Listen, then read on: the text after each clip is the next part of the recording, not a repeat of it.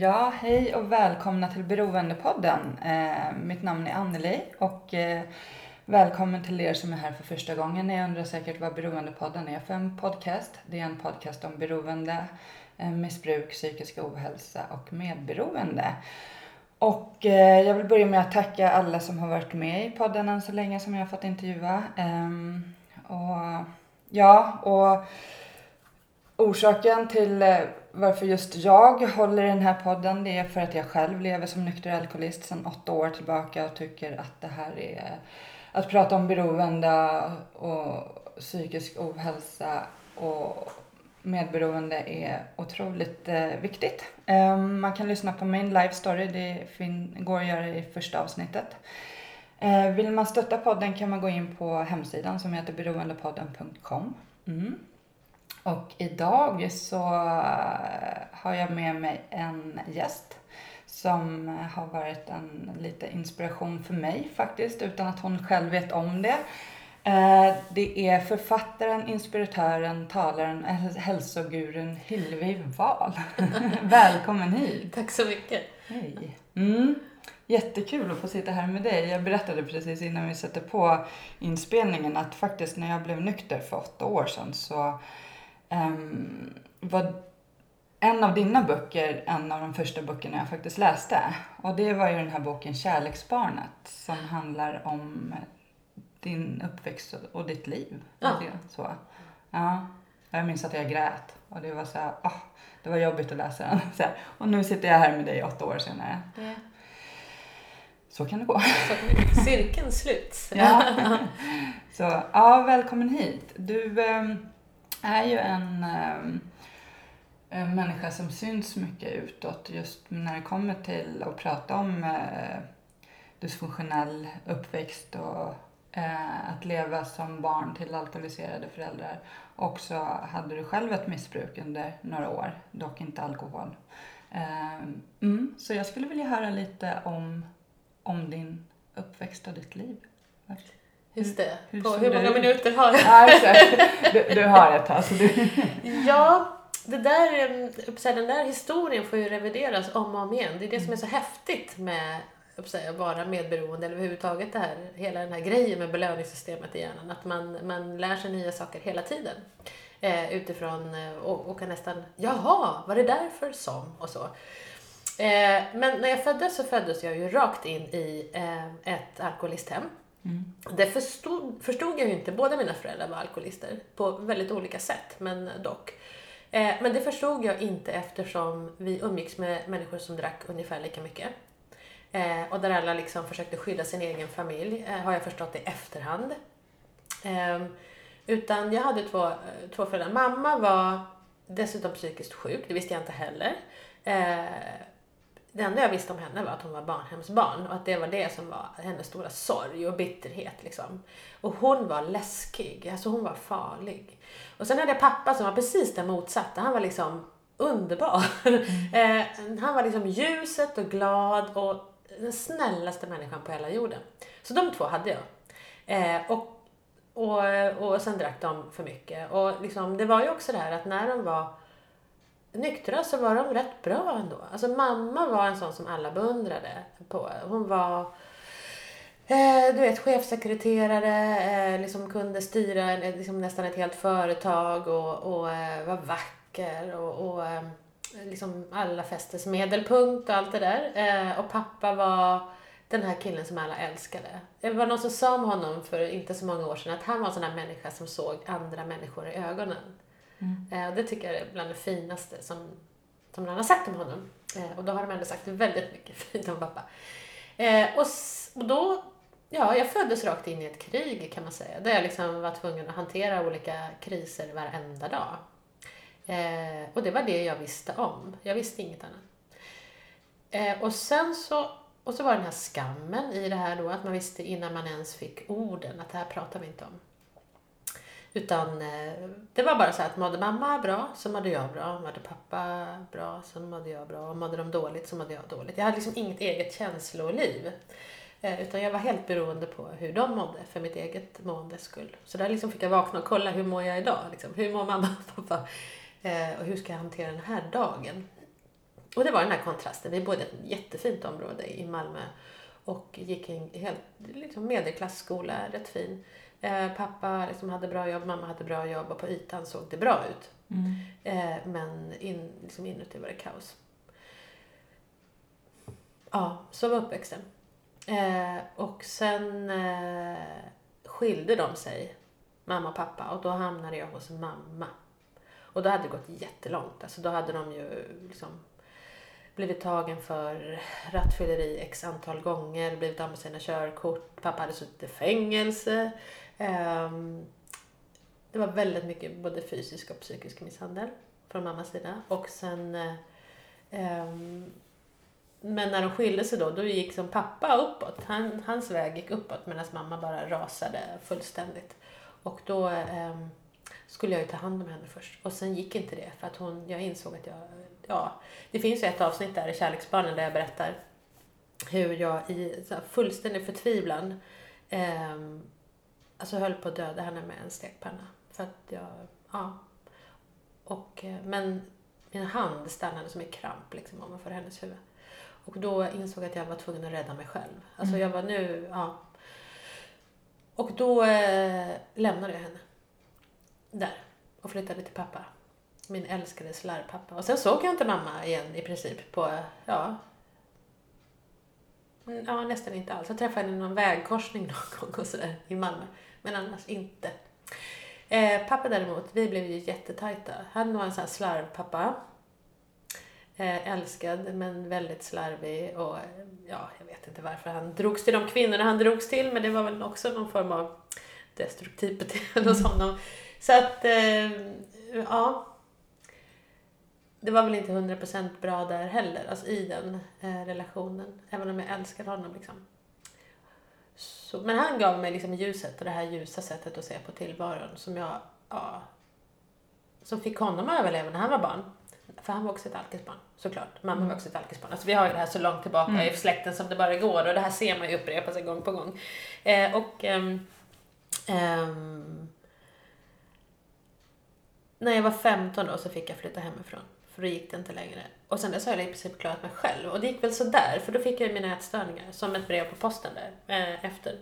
Därför att det var ju just det här att jag kände mig som en stor bluff. Alltså jag kände som att jag hade ingen själ. Mm. Eh, jag hade liksom bara det stora svarta hålet i magen. För att när jag inte skulle ta hand om mina föräldrar längre, vem var jag då? Mm. Alltså det fanns ingenting där inne som var jag. Alltså jag vet att jag, jag lades in på BUP där då, barn och ungdomspsyk. Fast jag var för gammal. Men jag fick det i alla fall. För jag har haft också en väldigt så förmåga att hitta rätt människor hela mitt liv. Och eh, fast de egentligen slängde ut mig från BUP, för jag hade hunnit fylla 18 då, eh, eh, och var nära att dö i min ätstörning, så, eh, så satt det där liksom på trappan till BUP och tänkte att nej, de får banne mig lyfta bort mig. Eh, eh, de får kalla hit polisen. Och då bara råkade komma förbi en kvinna som heter Kari Schleimer som bara råkade vara Sveriges ledande expert på ätstörningar. Hon tittade på mig med sitt lilla bastanta sätt där och så där jag satt på trappan och så sa min lilla kråka, dig ska jag ta hand om. och så tog hon in mig där i värmen. Eh, och sen dess har det liksom varit en kunskapsresa kan man nästan säga. Hon lärde mig förstå mm. vad beroende var och hur man tar sig ur det och att det här var inte mitt fel och, snarare så, det här som jag skämdes så otroligt för, mitt eget missbruk. Alltså jag, tänkte, jag, jag tog på mig all skuld för det också. Att ja, bara en sak till, jag är fullständigt misslyckad på. Mm. Eh, men hon, hon sa direkt så här, jag hade varit mer eh, orolig för dig om du inte hade reagerat så starkt som du gjorde. Så det var, ja, där någonstans började mitt liv. Men då tänkte jag just det här om min själ. Att jag liksom vandrade Malmö runt, runt, runt. För jag tänkte... eh, att, nej men jag har ingen själ. Jag hade också i det sammanhanget blivit kallad för lögnare. Alltså att jag var en stor lögnare. Eh, och då ringde jag till en kille som också var inlagd på BUP, men som var en jättegullig kille, eh, Stefan. Och han kom mitt i natten till ett nattöppet fik där jag satt. Och så lyssnade han på mig och mitt prat om att jag inte hade någon själ. Eh, och så han tyst en stund och sen så tittade han mig rakt i ögonen och så sa han Hillevi, du vet att man brukar säga att ögonen är själens spegel. Och någon som har så vackra ögon som du måste ha en vacker själ. Mm. Ja, då var jag 18. Um, och det liksom var något, för det kunde jag förstå. Det kunde jag ta till mig. Ah. För var det någonting som jag faktiskt var stolt över för mig själv så var det mina ögon. Allt annat flödade liksom helt fritt. Men där, det kunde jag förstå. Och det kan ju låta banalt, men det är en sån grej som när man är 18 år så kan en sån grej vara livsviktig, livsavgörande. Så sen dess, ja, har det varit en kunskapsresa. Mm. Ja. Men när förstod du att dina föräldrar liksom hade hu- hu- problem? Eftersom, som, Ja. precis som du säger, Mm. och det är ju så eh, intressant för att de flesta barnen som växer upp i en missbruksfamilj, de, vet, Mm. de förstår ju inte att det här är fel. Alltså så här, för att det är ju deras normala. Eh, så det är ju liksom, kan ta väldigt lång tid innan man förstår att det här är inte ett bra beteende. Sådär. Ja. Alltså jag tror det där har att göra med alltså, barnets utveckling. Alltså när man är liten så ser man ju inte sig själv som en egen individ utan man är ju ett med familjen. Alltså jag överlever inte utan mina föräldrar. Så då liksom är man som, man hänger ihop nästan som en koalabjörn eller något. Man hänger, liksom, man sitter ihop liksom. Eh, och, och då är vi en. Och, eh, och då kan man inte se sig själv som en egen individ. Eh, och sen ju äldre man blir som barn så blir liksom, frigör man sig. Man förstår att man är en egen individ någonstans. Och i den processen så tror jag att jag kunde se på mina föräldrar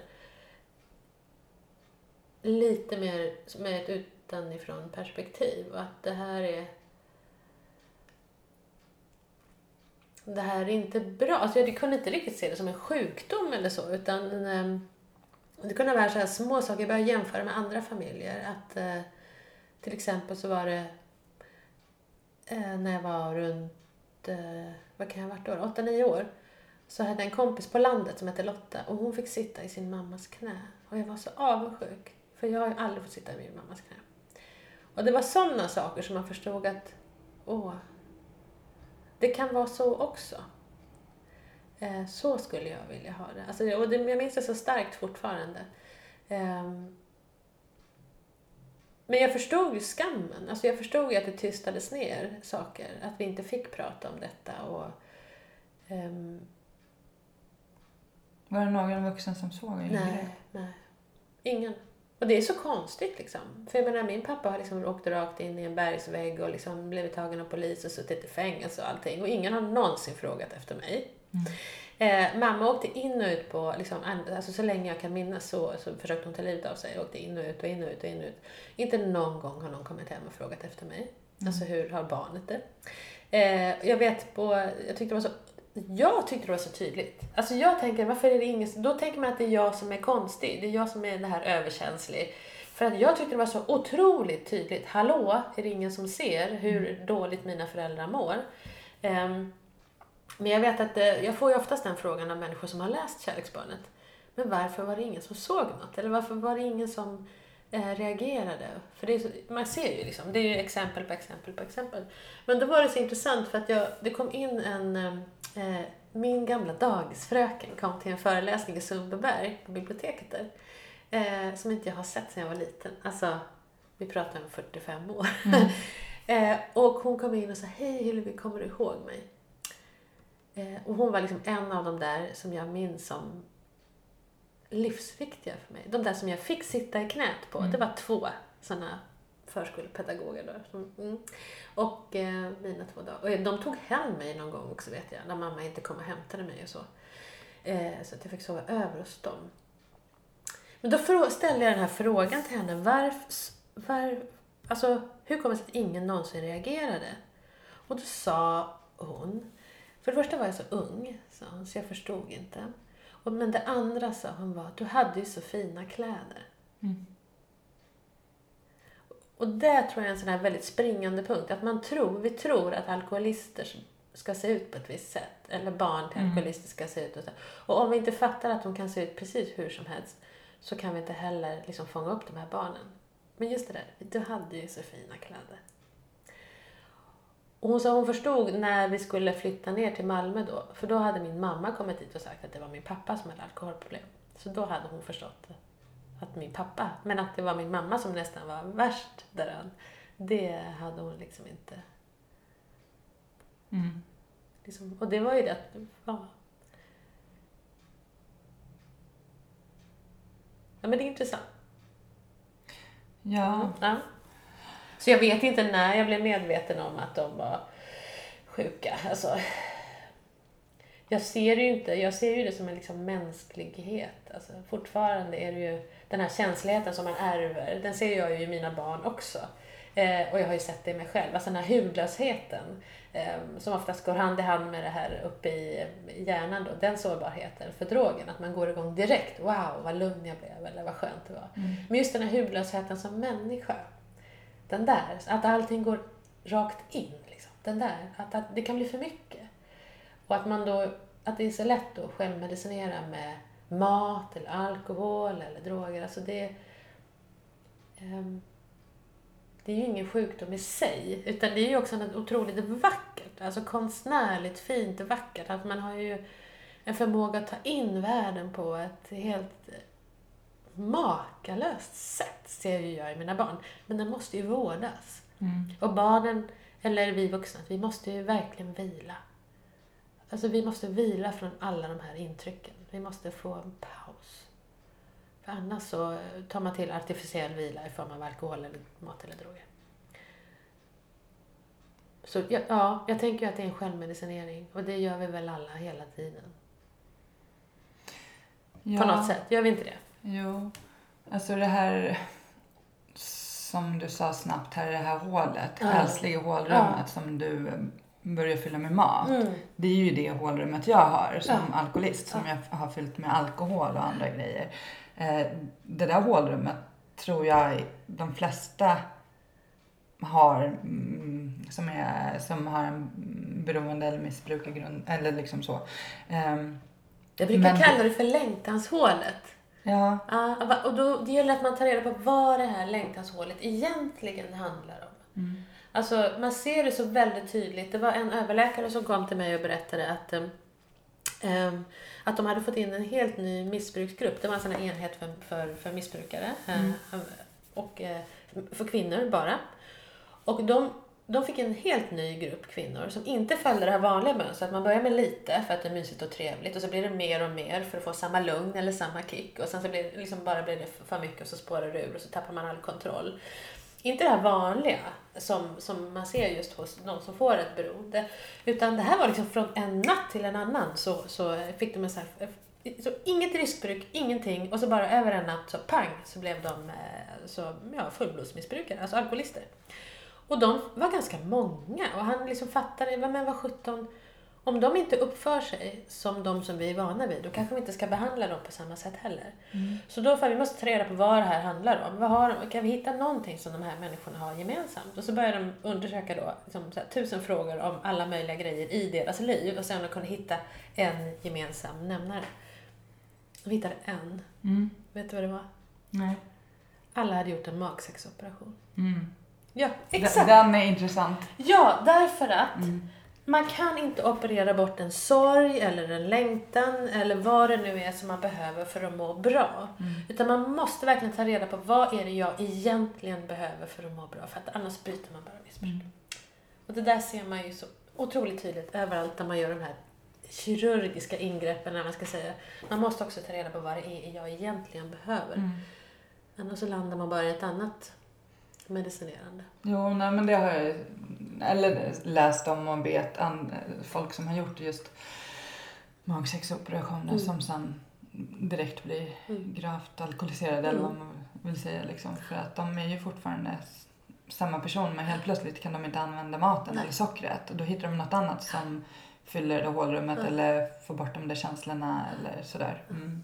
Nej, det där hålrummet det kan man ju fylla med mycket och jag tror att, eh, att det som får människan att må bra det är liksom att fylla alltså, hålrummet med rätt saker. Med kärlek, med sunda relationer, Mm. med...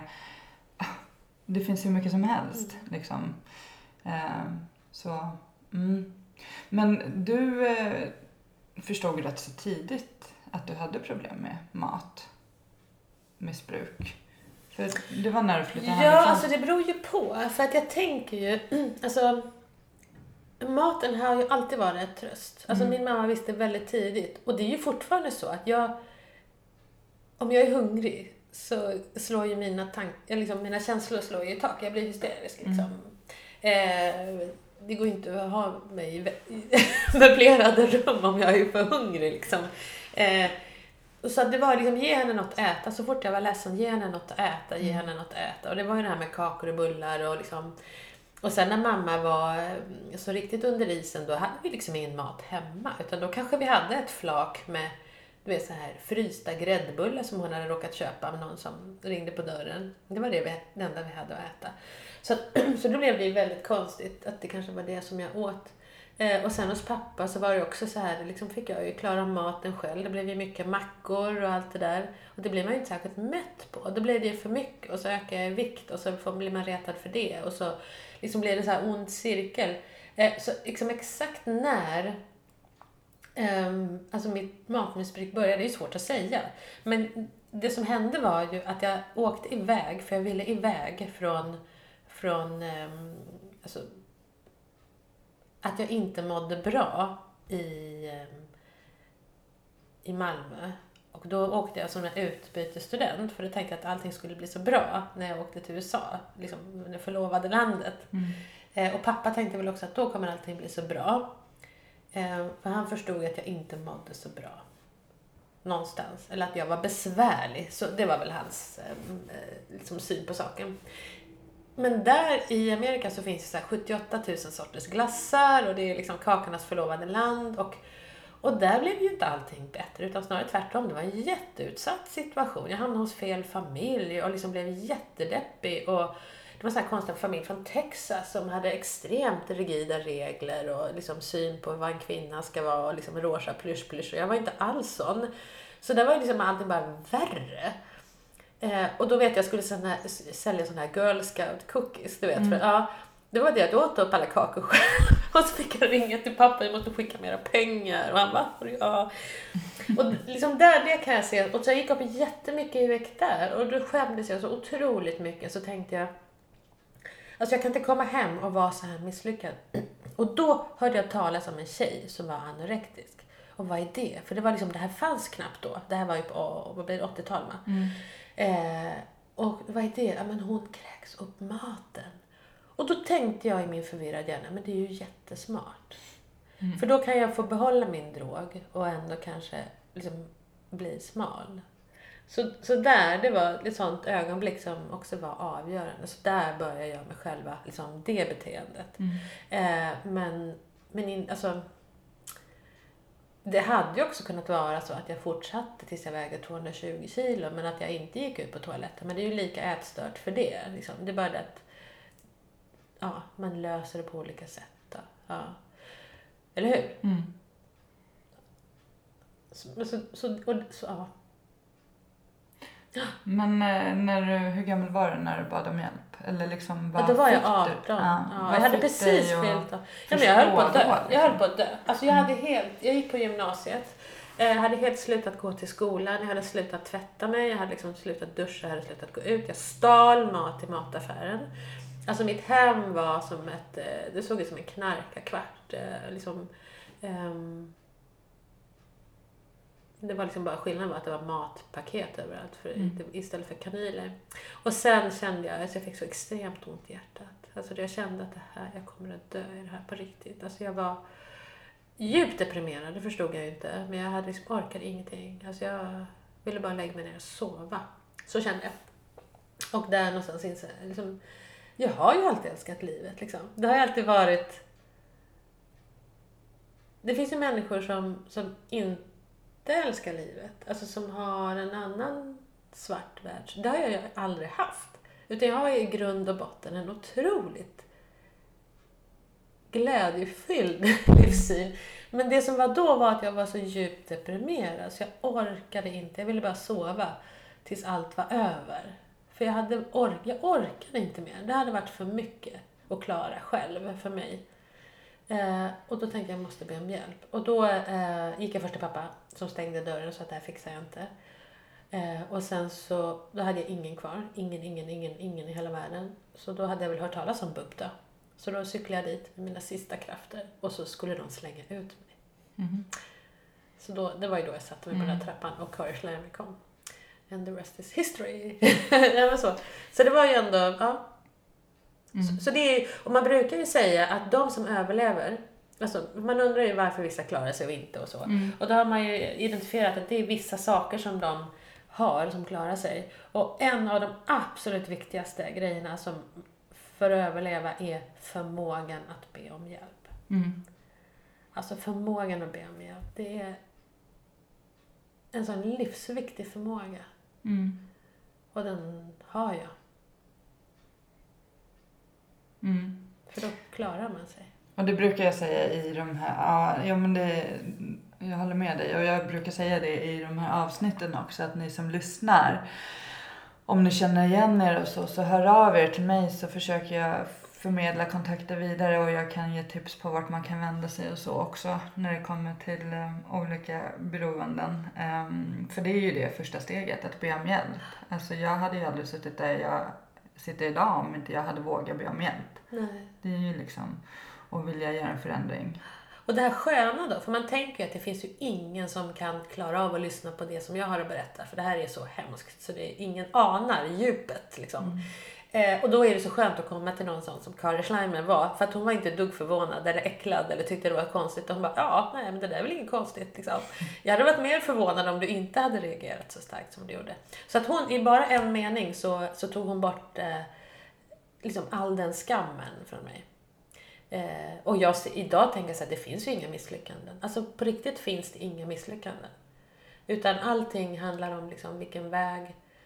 ehm, alltså vi har på något sätt en mening för att vara här på jorden. Alla, det är jag fullständigt övertygad om. Eh, och det här när, liksom, när ångesten blir för stor eller när man känner liksom att liksom hela kroppen bara fladdrar runt och skriker hjälp. så här, då tänker jag att det är liksom vår kropp och vår själs sätt att säga att oj, oj, nu är du på fel väg. Liksom. Tillbaka till huvudspåret, liksom, där du ska vara. Mm. Så, så först så försöker ju kroppen och psyket liksom Hallå, hallå, fel, fel, fel. Och så när vi inte lyssnar på det så säger de hallå, hallå, lite större. Eh, och kroppen är oftast mycket smartare än vad vi är. Sådär. Så till slut så liksom donkar den en i huvudet med den storsläggan och säger att fel håll. Ja. Eh, och samtidigt tänker jag idag att allting är ju så bra research, alltså på något sätt. Allt, allt fram tills nu har ju bara varit så oerhört bra research för resten av livet på något sätt. Så jag skäms ju inte ett smack längre. Jag är så totalt skamlös. och det är ganska skönt. Alltså det är väldigt befriande. Men det är, jag tror det var eh, Alakoski som sa det att ehm, att eh, skammen är som en fotboja. Alltså den tynger ner och fjättrar. Och sen när man tar av sig den där fotbojan så åh, wow. Mm. Man kan göra nästan vad som helst. Mm. Så det är rätt häftigt. Ehm, nu tycker jag bara det här är liksom det mest intressanta ämnet. Som, det är superspännande. Mm. Och det finns ju så mycket kvar som inte är gjort. Som det här med träning till exempel. Det, som vi, vi gillar både du och jag. Ja. Ja, eh, alltså hur, hur, hur, hur läkande det är att eh, använda kroppen till det som den är gjord för. Alltså hur, och hur, hur farligt det är i vårt moderna samhälle att sitta still. Mm. Alltså på riktigt. Alltså då jobbar vi mot kroppen. Men bara vi liksom rör på oss lite grann ehm, så sätts alla de där bra grejerna igång i kroppen som gör att vi kan hjälpa oss själva. Att vi får kraft. Det är häftigt. Mm. Du har precis kört en runstreak här på Ja. 100 dagar va? Mm. Mm. Hur gick det? Ja, men det, var, det var jättehäftigt. Jag gör ju sådana här små experiment med mig själv. jag började träna för fem år sedan. Eller när jag var 45, det är snart sex år sedan. Och det var så här, wow, kan man må så här bra? För att även om jag har mått bra, alltså i normal mening, så, så, så har jag ändå haft de här lite, lite humörsvängningar. Eller ibland är det bra, ibland är det dåligt. Och, alltså, inte dåligt, men det är mindre bra ibland. Sådär. Alltså, Och jag behöver vila och, och eh, ja, men liksom det här med maten och att, liksom, att jag inte blir för hungrig och sådär.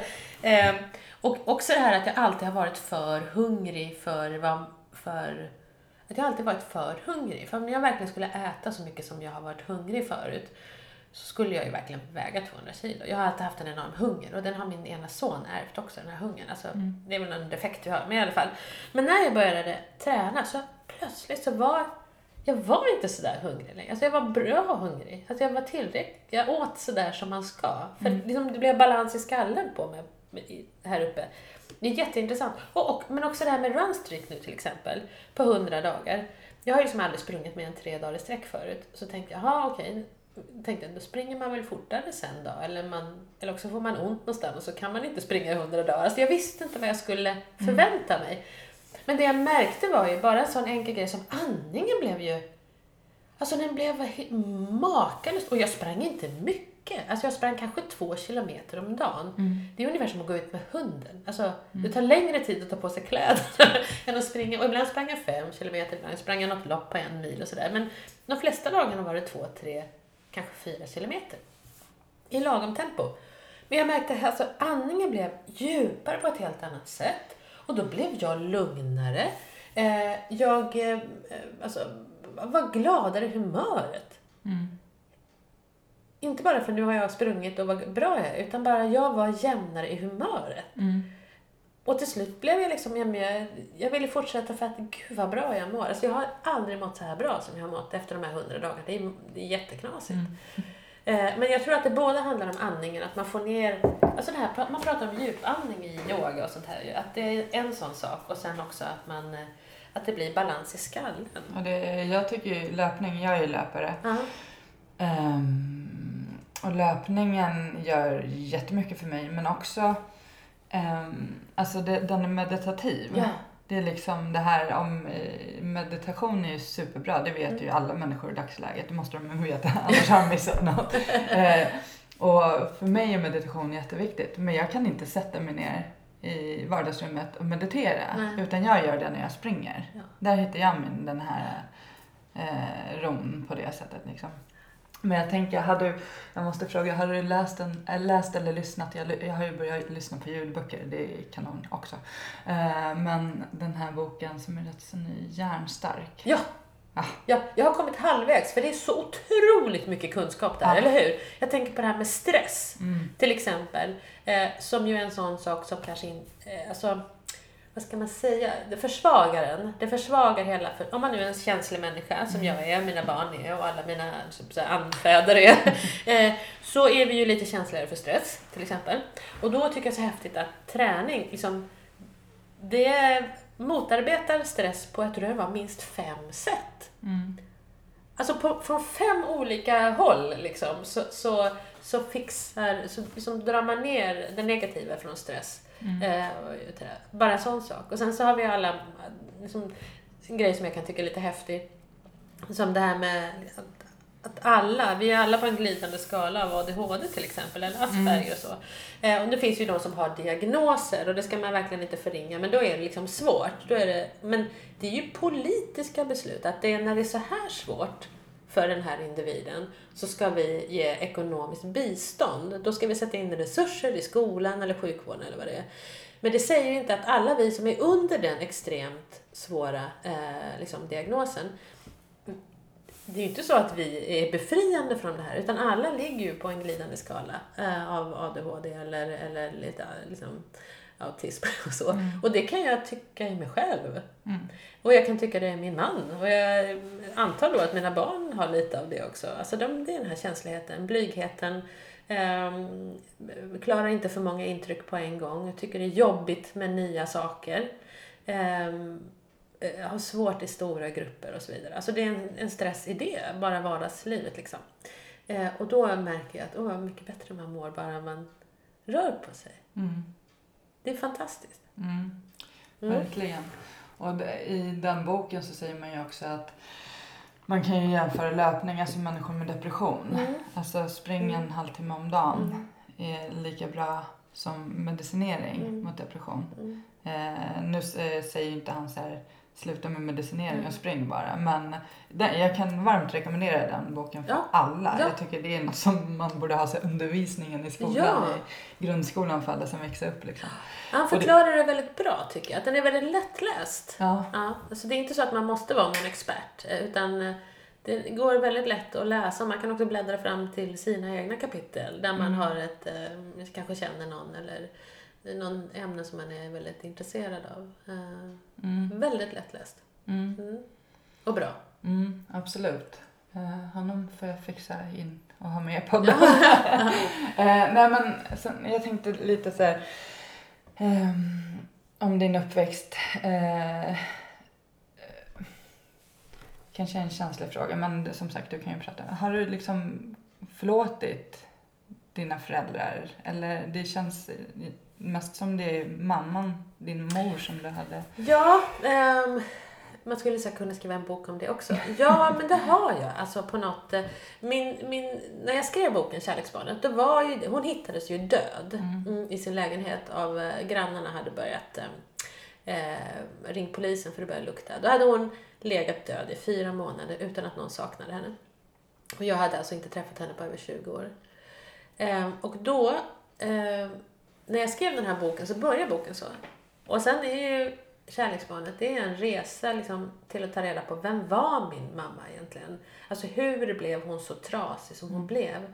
Vad var sant egentligen av det som hon hade upplevt i sitt liv? Alltså vad, för det, hon ljög ju så mycket också, så det var väldigt svårt att veta vad som var sant eller inte sant. Så då fick jag gå tillbaka till släktingar och ta reda på vad var det sant det där att ni bara stack och till Amerika och lämnade henne? Var det verkligen sant att hon hamnade på det här barnhemmet när hon var så liten, att hennes mamma dog? Eh, var det verkligen sant att? Och jag har liksom gått igenom sjukjournaler och, och, eh, och så. Eh, för det kunde jag göra när hon var död. Alltså innan dess var jag rädd för henne, för hon hade en sån enormt stark påverkan på mig. Eh, som ju mammor ofta har. ja, oavsett. Och till exempel en sån sak som jag upptäckte då var ju att hon hade lagt in sig själv på avgiftning för jag tror det var, om det var 28 gånger.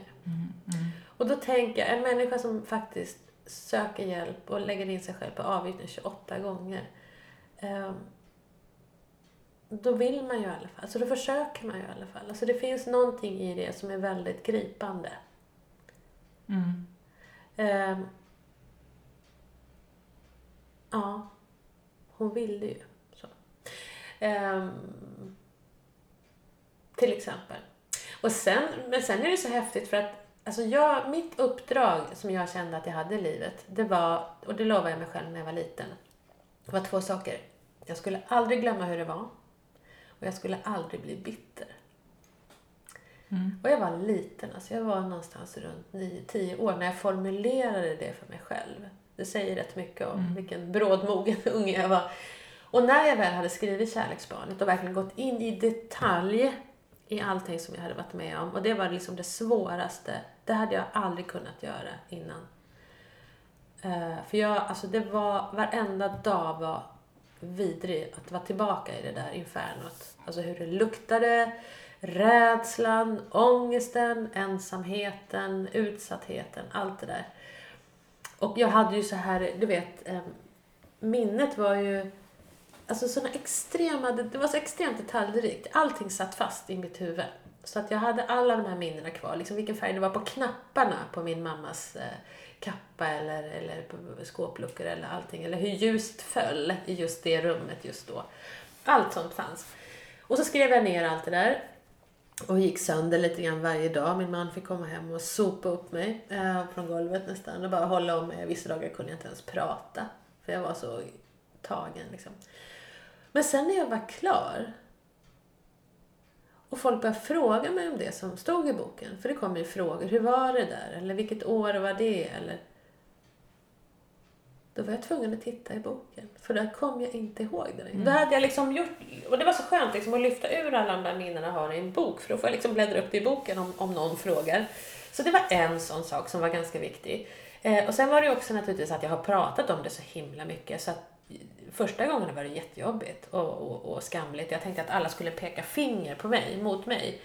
Men det jag har märkt från dag ett till jag började prata, det är att det där fingret, det pekar liksom inte mot mig, utan in mot, de pekar in mot sig själv. Alla säger ja, jag med. Eller jag känner någon som. Oj, vad jag känner. Mm. Så det där fingret som jag trodde att alla skulle peka mot mig och säga shame on you.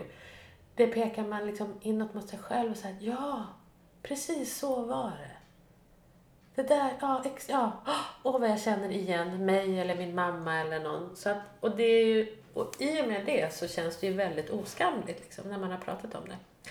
Eh, och nu brukar jag säga att jag kan prata om det som om det vore fiskpinnar till middag, för nu vet jag ju hur ovanligt, eller hur vanligt det är. Liksom. Mm. Vi har en miljon svenskar idag med någon form av beroendeproblematik och sen så har vi fyra, fem runt omkring dem som är extremt berörda.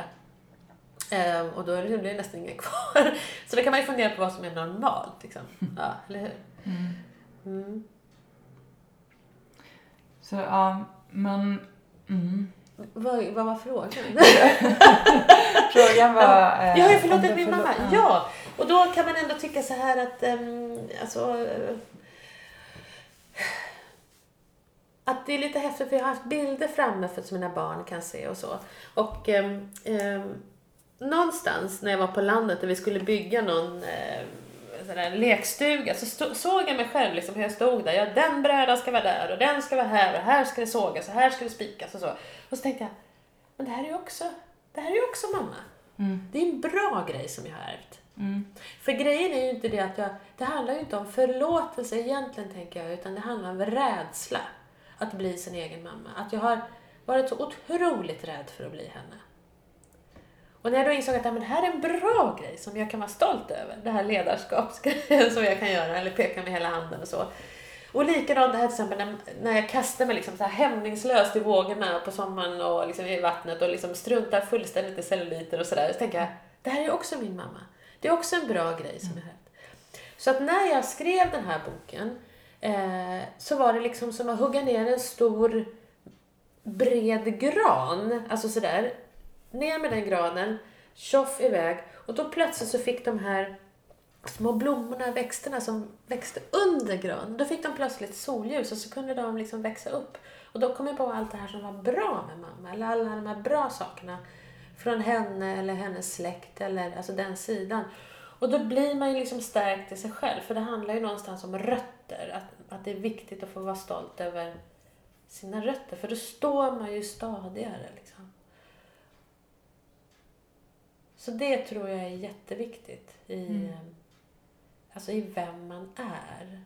Jag trodde ju att man kunde vara att man kunde bygga sig ett helt eget liv oavhängigt allting annat. Men så är det ju inte. Utan man är ju så otroligt mycket sin mamma, eller sin mormor, eller sin mormors mor. Och, och det är ju liksom ingen slump att man är där man är. Men jag tycker det är fantastiskt. Att jag tycker jag lär mig så mycket. Jag är väldigt glad i mig själv. Alltså jag är väldigt glad att jag är jag, ju, Mm. såklart. Att jag är en sån fantastisk människa eh, på alla sätt. Nyfiken och eh, ganska orädd numera. Eh, men så tänker jag också att jag är så himla glad för mina barn. Att de är som de är. För de lär mig jättemycket varje dag. Alltså jaha, tänker jag. För jag tänk, man tror ju hela tiden att man, oh, nu fattar jag det här. Eller nu kan jag det här. Och så plötsligt, nähä. Det fanns liksom ett lager till. Och det finns mer grejer. Jaha. Eh, jag menar, alla mina barn har liksom haft svårigheter på olika sätt. Eh, till exempel min ena son som har läs och skrivsvårigheter. Det är liksom, fattar man inte när man kommer från en journalistfamilj och alla läser hur mycket böcker som helst. Och då, alltså det är det här man, man man måste, man måste liksom vara med om grejer för att förstå. Mm. Eh, eller att han föddes med en svår njursjukdom. Liksom. Då tänker man, ja, ja men nu vet jag jättemycket om njurar. alltså man blir ju expert på det. Alltså det är ju inte intressant när allting går bra. Alltså då bara glider man omkring på ett bananskal. Man lär sig inte särskilt mycket. Men det är liksom när det, när det konstrar till sig, när det blir det här. Det är då man lär sig jättemycket. Både om sig själv och om sina barn, om andra barn, om andra människor. Alltså då fattar man ju på ett helt annat sätt. Vi, de flesta av oss idag vet ju hur vi borde leva, eller hur? Vi vet exakt ungefär hur många gram socker vi ska äta eller brödskivor eller vad det nu är. Att vi inte borde röka eller dricka eller allt det där. Vi vet ju allt det där. Alla vet det. Och ändå gör vi inte det. Och då är det intressant, varför? Eller hur? Varför? Och liksom, hur kan man kalibrera det där så att det liksom bli lättare att faktiskt leva sådär som man mår bra. Det är ju det som är intressant. Hur kan man liksom skruva lite på den grejen och så mår vi lite bättre? Eh, kan man skruva på den grejen så mår vi lite bättre eller är mer benägna att be om hjälp. Eh, eh, alltså jag har ju inget förtroende för en människa nästan som inte har upplevt något själv. Mm. För då säger, tänker man bara, men hon har ingen aning om vad hon pratar om. Alltså jag kan bli så här tokig på människor som jobbar med ungdomar till exempel. Och rekommenderar dem att, och de kommer dit med ätstörningar och säger, men kan du inte dricka ett glas vatten då? Så blir du, så blir du mättare. Alltså då fattar man ju ingenting. Mm. Fyller upp magen så fattar ni inte. Mm. Eller som någon läkare, som någon tjej, jätteduktig tjej som bad om hjälp och var svårt sjuk i ätstörningar. Jag kom till någon sån här ja, läkare, som eh, familjens läkare och eh, vårdcentral helt enkelt, sån, ja, som man har. Eh, och läkaren lyssnade och sa, ja men kan du inte gå med i Aftonbladets viktklubb då? Alltså då tänker man, är det på den nivån vi är med liksom utbildade människor, då, uff, det, Mm. ja. Så att vi som har varit med om det här, vi har en helt annan insikt. Alltså vi kan, när, vi, när det kommer forskningsrön på du vet, tabletter eller grejer eller vad man nu ska göra, då kan vi liksom ta den informationen till oss och sen kolla igenom. Är det här rimligt? Skulle det funka? Eh, vad är min erfarenhet av alla de människorna jag har haft omkring mig och pratat med? Skulle det här kunna funka? Och så kan man tänka ja eller nej, eller de har ställt fel frågor helt enkelt. De har ju ställt helt fel frågor. Då får, eller hur? Så att det är ju, det, alltså vi äger ju vår kunskap du och jag. Vi, alltså vi bottnar ju verkligen i det här. Vi står inte där, vi har, vi har inte läst 120 poäng på universitetet liksom, och står och säger något som någon annan har skrivit. Utan vi äger verkligen vår kunskap. Och det är ju fantastiskt. Mm. Mm. Jo, för vi har ju gjort eh, en resa från att må väldigt dåligt, missbruka med Mm. olika saker, till att idag må väldigt bra. Eh, Så vi har ju den kunskapen med oss, liksom, hur vi har gjort. Sen så kanske du och jag inte har gjort precis likadant. Liksom, men, ehm, Och det är ju och- en väldigt viktig insikt också. Just den där som du sa nu senast. Alla kanske inte gör likadant. Nej, jag skulle säga att ingen gör likadant. Och det betyder att det finns inte en lösning som funkar för alla. Utan alla måste få, man måste lyssna på varenda människa för att fatta vad behöver just den här människan för att må bra. Mm. Och sen kan vi tipsa om liksom, 12-stegsprogram eller vad det nu är för någonting som har funkat för oss då. Mm. Eh, eller för dig och, och, ja, och så. Och, men, eh, eller träning eller... För det är bara så det kan bli. Det här har funkat för mig, det kanske kan funka för dig. Mm. Men det finns liksom ingen grej som funkar för alla. Nej. Nej. Så det kan man lägga ner med en gång. Men däremot så kan man ju öka oddsen med de här grejerna eller de där grejerna eller de grejerna för att det ska funka om man ska må bättre. Jag tänker, har du några... Vad fick du för verktyg när du bad om hjälp för ditt matmissbruk? Har du några sådana här? Mm. Det första var det mest akuta, för då var jag ju så i fruktansvärt dålig fysisk form. Alltså, så jag kunde ju nästan inte ta till mig kunskap. Utan då fick jag sova, äta på regelbundna tider, alltså de här basala grejerna. Eh, liksom gå upp på morgonen, gå och lägga mig på kvällen. Alltså det var på den nivån. För att liksom, och sen efter någon vecka så kunde jag liksom börja prata med folk och lyssna på vad de hade att säga. Ehm, men också det här att liksom det här första, hon sa jag tror på dig, jag tror att du kommer fixa det här. Alltså sådana grejer räddar ju livet på folk. Att någon människa tror på en. Det här kommer du fixa Ilui, för du är smart. Eller du har humor, eller du är nyfiken, eller vad det nu är för någon superkraft man har. Ehm, och sen så kom, på den här tiden då, då fanns det ju inga böcker om ätstörningar. Inga lättillgängliga böcker, inga sådana här hjärnstark böcker. Alltså så. Utan hon kom in, Schleimer kom in på, på mitt rum med liksom travar med läkarböcker. För läkarna visste ju om det här med beroende. Ja, och så gron. Och då fick jag liksom stava mig igenom de här böckerna som var närmast som grekiska. Så började jag långsamt, långsamt fatta att det här handlar inte om mig. Det handlar inte om att jag är ful, fet och misslyckad. Utan det handlar om så mycket häftigare, större grejer. Det är liksom ett universum av grejer som händer i hjärnan. Med, med hela belöningssystemet och hur, hur liksom det kan bli kapat av olika substanser. Och, och hur en del är ärftligt, eh, känsligheten då, eller sårbarheten. Och hur, och hur ehm, Eh, också det handlar om det sociala, alltså liksom vad man, trauman man kanske är med om och så vidare. Och det här är ju ändå 80-talet så det har hänt massor sedan dess ju. Eh, men det, ja, det, alltså, det är otroligt spännande. Så då fick jag liksom börja till de nycklarna. Sen läser jag ju allt sånt där. Jag tycker det är så fascinerande och så spännande. Och vad funkar liksom? Det är det man vill veta. Vad funkar?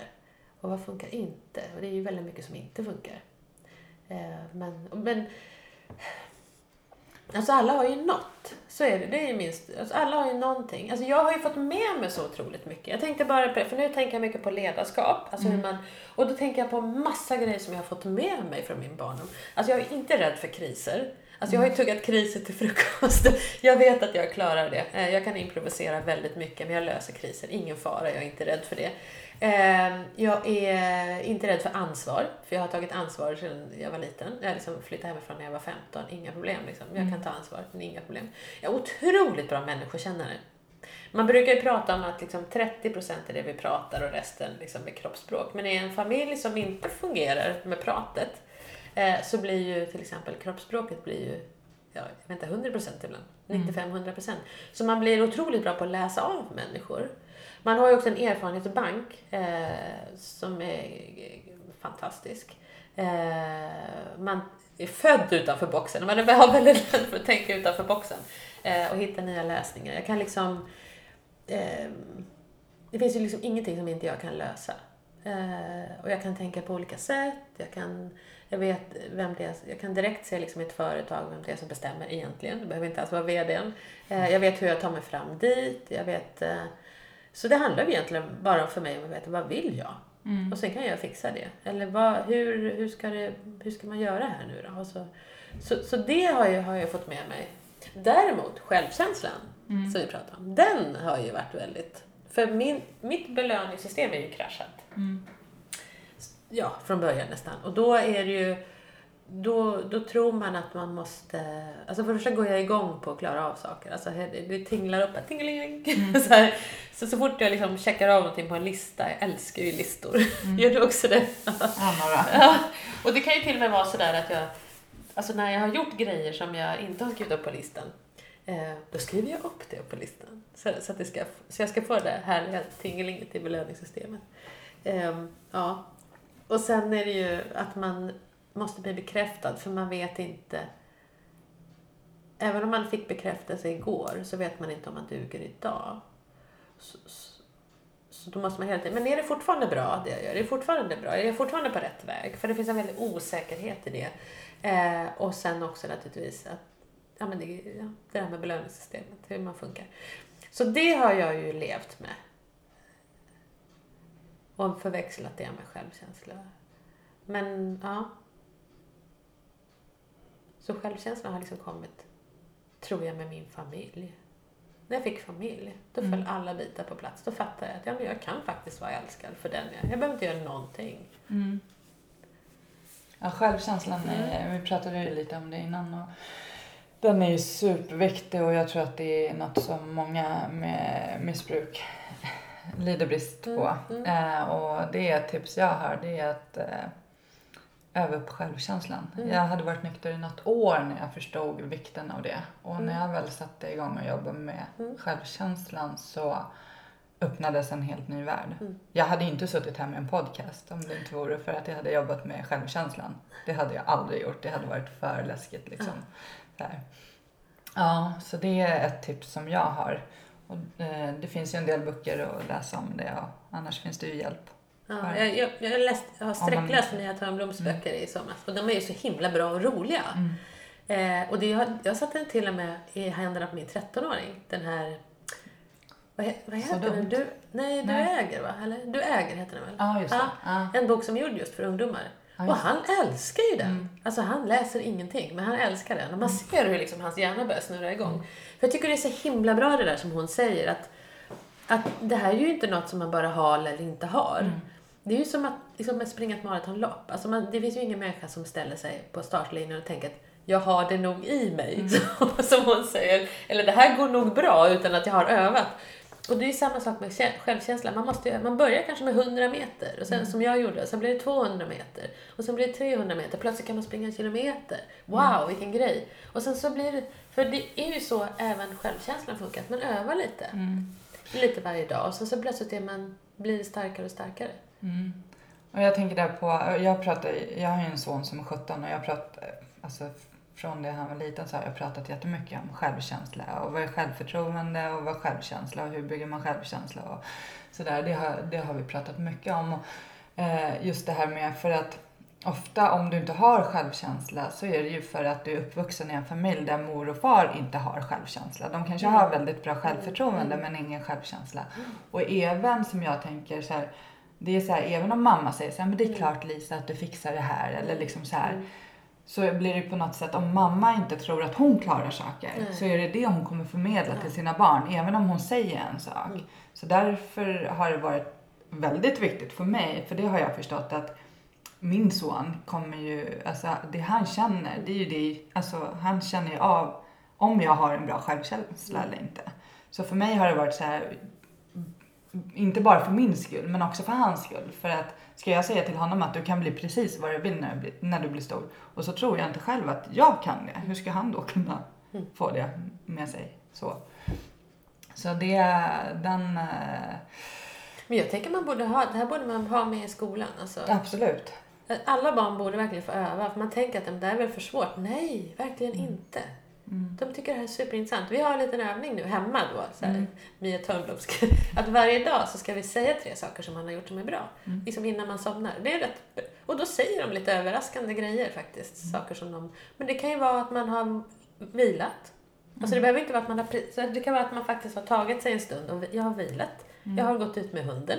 Ehm, jag har gjort klart min läxa kanske. Alltså någonting som man känner bra. Bra att jag gjorde det. Eh, och det är ju, man ser hur, de, hur deras huvud liksom, kanske från att ha varit någon annanstans Mm. och tänkt att oj, vad ska jag göra imorgon eller vad ska jag, eller hur gick det idag eller alltså det där. Så plötsligt blir de väldigt närvarande och, ehm, och liksom stolta över den de är. Alltså den människan, vackra fina människan som de är. Mm. Ja, vi, för människan är- känns det som annars är väldigt duktig på att kolla på alla fel man gör hela Mm, tiden. mm. Jag, skriver, jag skriver bok på kvällen. Mm. Eh, Tre saker, eller? Jag, jag skriver så många jag kommer på. Mm. Så. Eh, jag tror inte man kan spring, eh, skriva eh, för många liksom. Nej. Så eh, jag, jag skriver så många jag kommer på. Sen så brukar jag också eh, tänka om jag har gjort något kanske som är mindre bra. Eh, sådär. Och så skriver jag ner det också för att det är ju en sida som jag inte vill ha. Då kan man reflektera lite över det. Och sen så, ja jag har en liten bok som jag har lite olika som jag skriver. Men jag lägger inte lika mycket fokus på det som är mindre bra. Nej. Utan där jag lägger fokus, det är allt som är bra liksom. Mm. Och den listan blir ju längre och längre för att ju mer man kan se Mm. så blir det ju automatiskt att man, man blir en bättre människa hela tiden om man nu har några sådana brister. Men det här är det ett, eh, något som jag verkligen kan rekommendera, att Mm. skriva Ja. en bra bok. Vad man har gjort bra. Och Mm. tacksamhet är också, Ja. Kan man skriva in, Mm. allt man är tacksam över. Mm. Mm. Det är lite fint också. Ny forskning visar ju, eh, det är så intressant, det forskas ju på det här så mycket. Det är just det här att, ehm, för då har man haft, låtit folk ha paddor tror jag, eller någon form, och så har de liksom blippat upp någon sån här frågeruta eh, där det står Hur mår du nu? Vad gör du? Och, sen, och så har man kollat det då med x antal människor under en lång tid. Och då har man sett att oavsett vad man gör eller vad man är så mår man alltid bäst just nu. Alltså även om man gör något man inte tycker om, som att diska eller dammsuga, eller så, så mår man alltid bäst just nu. Så ju mer tid man kan vara, I nuet. ja, och faktiskt stå och liksom känna efter att nu är jag här och diskar den här oljiga tallriken. Alltså då mår man bättre. Men för att det finns alltid att, även om man tänker att ja, men man drömmer om en resa så här.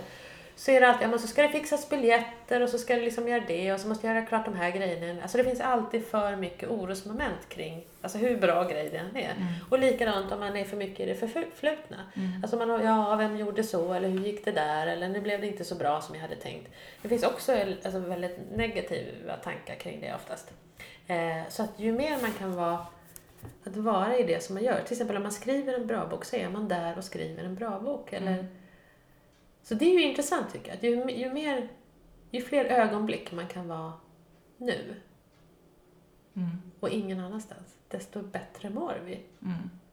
Absolut. Också något att öva på. Ma- ma- mindfulness, vara här och nu. Ja. Vi, vi ska börja runda av, men Ja. jag måste bara säga där Mm. angående mindfulness, eller just det du sa då. För där, jag läser ju mycket böcker och tycker det är otroligt intressant med personlig utveckling Mm. och allt sånt där. Och då är det, jag tror att det är han som har skrivit den här eh, munken som sålde sin Ferrari. Mm. Har du säkert hört talas om. Mm. Ehm, jag tror att det var i en av hans böcker då han tipsar om liksom att det är klart att vi måste tänka på framtiden. Men som du säger, det som har varit eh, har varit och framtiden kan stressa oss väldigt mycket. Så. Men han hade tips på att man har liksom en timme om dagen eller en ha- halvtimme om dagen. Då du liksom får gå all in på, på framtiden eller all in på det som har varit. Liksom. Så bara okej, nu ska jag älta allt det där. Okej, en halvtimme. Och sen får du släppa det. Den var intressant tycker jag. Ja. Jag försöker att inte älta saker alls längre. Nej. Det var jag jätteduktig på förut. Nej men alltså det är inte så himla, jag tycker så här att det är ju inte så himla intressant vems fel det var eller så. Utan jag, alltså jag har ju alltid varit sån och jag tror ehm, att det är den bästa vägen för alla. Att man mer tänker, eh, hur löser jag det här nu? Mm. Eh, eller möjligtvis, eh, hur kan vi se till att det inte händer igen? För då måste man titta lite bakåt. Alltså, kan, vilka grejer var det som liksom inte funkade riktigt? Hur kan vi liksom göra nästa gång så att vi kanske... Mm.